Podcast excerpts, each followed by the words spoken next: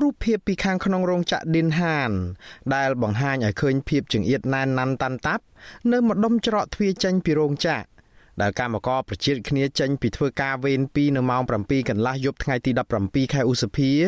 ដើម្បីប្រញាប់ចេញឲ្យទាន់មុនម៉ោងបំរាមគោចរនោះត្រូវបានចែកផ្សាយតាមបណ្ដាញសង្គម Facebook រោងចក្រឌិនហាន ដែលមានកម្មករជាង2500នាក់និងផ្អាកដំណើរការជាង1ខែមកហើយក្រោយកម្មករប្រមាណ1000នាក់បានឆ្លងជំងឺ Covid-19 ឥឡូវចាប់ផ្ដើមបើកដំណើរការឡើងវិញហើយពេលចូលធ្វើការវិញនេះកម្មករត្រូវធ្វើការឆ្លាស់វេនគ្នាដោយវេនព្រឹកចូលធ្វើការពីម៉ោង6កន្លះចេញម៉ោង1កន្លះពេលល្ងាចពីម៉ោង1កន្លះដល់ម៉ោង7កន្លះ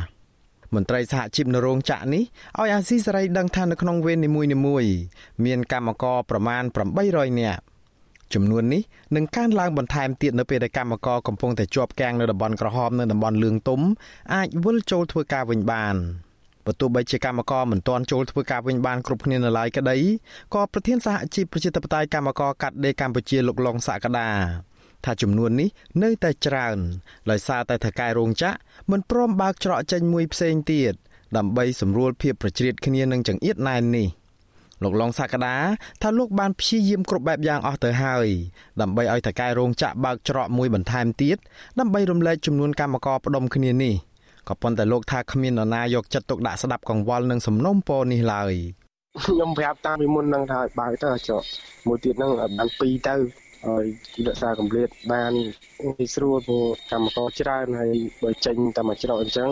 គាត់ប្រញាប់ណាមួយហៅបាយផងហើយផ្ទះឆ្ងាយផងអញ្ចឹងគាត់ចេះបជាដែរយើងអាចទប់ស្កាត់គាត់បានទេគេអត់ស្ដាប់យើង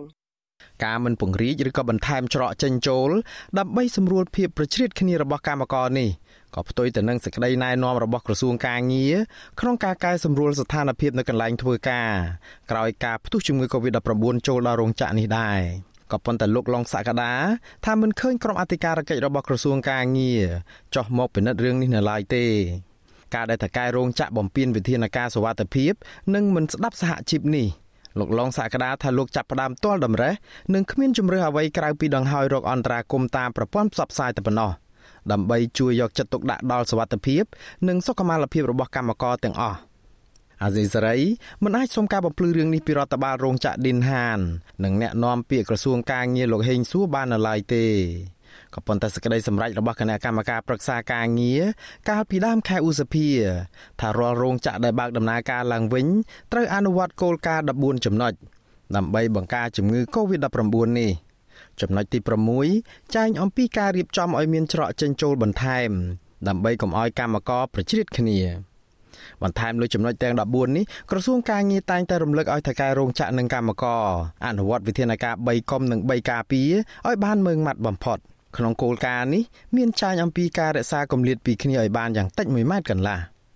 បើទោះបីជាយ៉ាងនេះក្តីក្រសួងការងារនិងថកែរោងចក្រមិនបានរកដំណោះស្រាយនៅក្នុងការបញ្ចេញរថយន្តបន្ថែមដើម្បីរំលែកចំនួនកម្មករកុំឲ្យជិះរថយន្តប្រជិតគ្នាដោយម្រាមដៃនោះឡើយ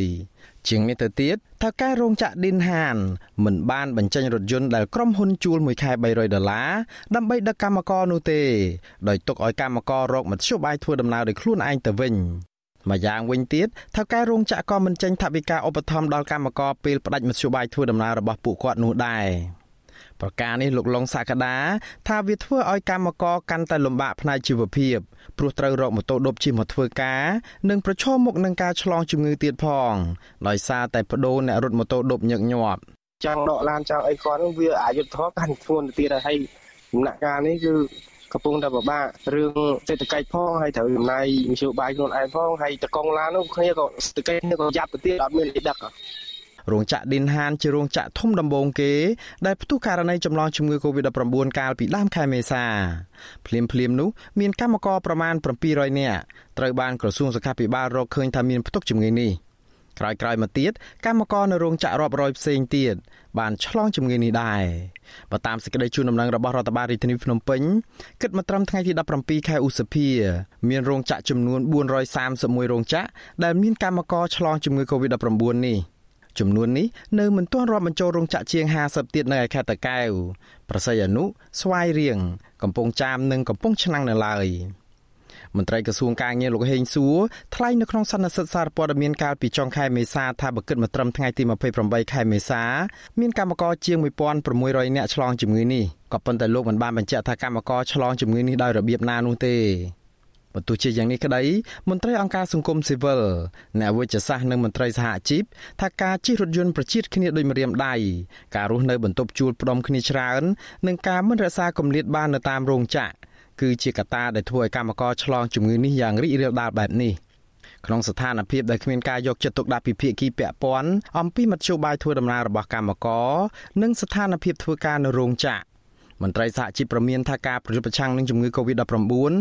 នឹងមិនបានទទួលជោគជ័យនោះទេជាងនេះទៅទៀតអ្នកដែលងាយប្រឈមគ្រោះថ្នាក់ជាងគេគឺកម្មកររោងចក្រខ្ញុំបាទមុងណារ៉េត With you Azizi Saray ប្រធានាទី Washington